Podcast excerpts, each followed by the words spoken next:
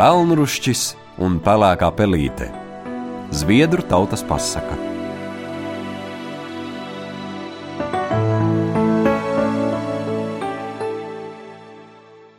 Kādam tēvam bija trīs dēli. Abi vecākie auga lieli, stipri un vareni, bet jaunākais, sīks un kluss, mēdza sēdēt pie pavārda un rušināties pelnos. Tā viņu iesauca par pelnrušķi.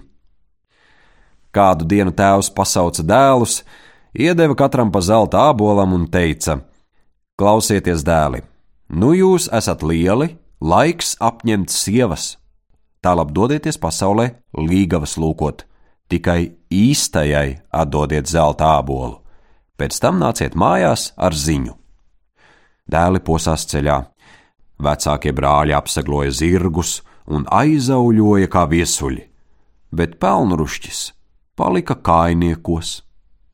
Viņš gāja ilgi, līdz nonāca mežā. Kļūst arvien tumšāks, pelnrušķim metas bail Ko nu darīt? Pelnrušķis izvelk no kabatas zelta ābolu un sāk to mētāt. Te ābols nokrīt zemē un nozūd žagaru kaudzē.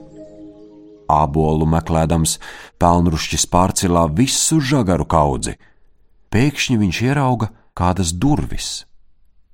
Iesiekšā, atver durvis un ieiet tīrā spodrā istabiņā. Pavārdā kuras uguns, vakariņu galds klāts, bet zem galda tup maza pelēka pelīte. Labvakar, jaunekli, pelīte saka. Ja esi tālu ceļu gājis, tad nāc pie galda, bet kā labi tāds noskumis. Tencinu pelīt, Palnrušķis atbildēja: Esmu gan tālu ceļu gājis, bet prātā man nav atpūta, bēdas vien. Tēvs man iedeva zelta ābolu un sūtīja līgavu sadarēt, bet es pazaudēju savu zelta ābolu, un līgavu arī nesmu sadarējis.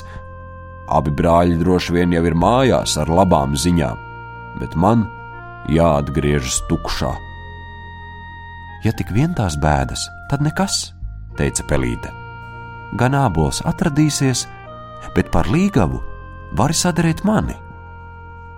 Labi, pelīt! Pelnrušķis bija ar mieru. Sadarējis līgavu, Pelnrušķis atgriezās mājās.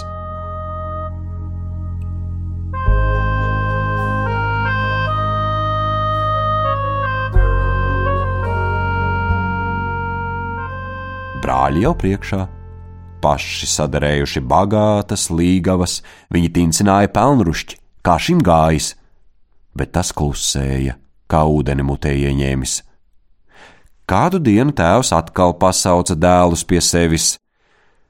Līgavas nu esat sadarējuši, viņš teica, bet es gribu zināt, vai viņas ir čaklas vai prot maizi cept. Ejiet un palūdziet, lai viņas izcep pa kukulim.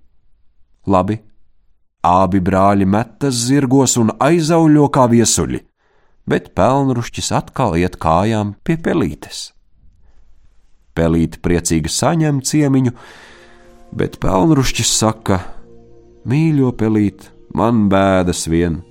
Tēvs mani atsūtīja šurp vēlēdams, lai tu izceptu maizi, jo viņš grib redzēt, ko prot viņa dēlu līgavas. Bet tu taču esi par mazu, lai izceptu maizes kukuli.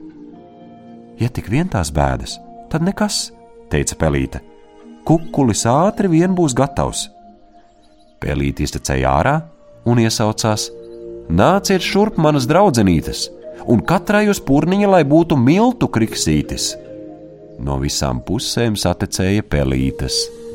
Viens, divi, uguns iekurta, mīkla iejaukta, un pēc brītiņa kukulītis, mīksts kā pūka, smaržoja uz galda.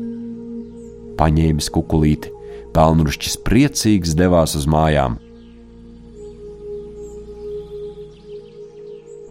brāļi jau priekšā. Labi bija brāļu pārnestie kukuļi, bet pelnrušķa pats labākais. Kādu dienu tēvs atkal pasauca dēlus. Tagad zinu, ka jūsu līgavas prot maizi cept, bet vai viņas prot arī citus darbus darīt. Ejiet un palūdziet, lai katra noauž pa audeklam. Pelnrušķis iet pie pelītes un saka: Mīļo pelīt, man lielas bēdas. Tēvs mani atsūtīja šurp vēlēdams, lai tu noaustu audeklu, bet tu taču esi par mazu, lai to izdarītu. Taču arī šoreiz palīdzēja citas pelītes, un audekls viens, divi noausts.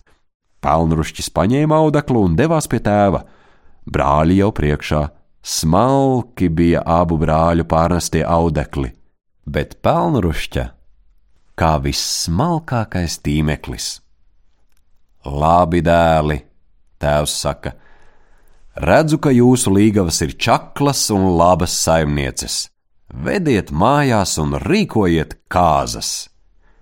Vecākie brāļi metās zirgos un kā bultas aizdrāzās pēc savām līgavām, bet pelnrušķis arī šoreiz palika kājniekos. Bēdīgs viņš atvēra pelītes istabiņas durvis. Mīļo pelīt, viņš teica, bēdas vien. Tēvs mani atsūtīja, lai vedu līgavu mājās un rīkoju kāzas. Nāc man līdzi! Ja tik vien tās bēdas, tad nekas teica Pelīte. Pagaidi mani ārā. Pelnrušķis izgāja ārā, apsēdās pie žagaru kaudzes un gaidīja. Pēc kāda brīža tavu brīnumu! Pelītes mājiņa bija pārvērtusies par krāšņu pili, un pelēkā pelīte par daļu princesi žagaru kaudzes vietā pacēlās kupla ābele, un tās galotnē mirdzēja pazaudētais zelta ābols. Pelnrušķis norāva ābolu un pasniedza to savai līgavai.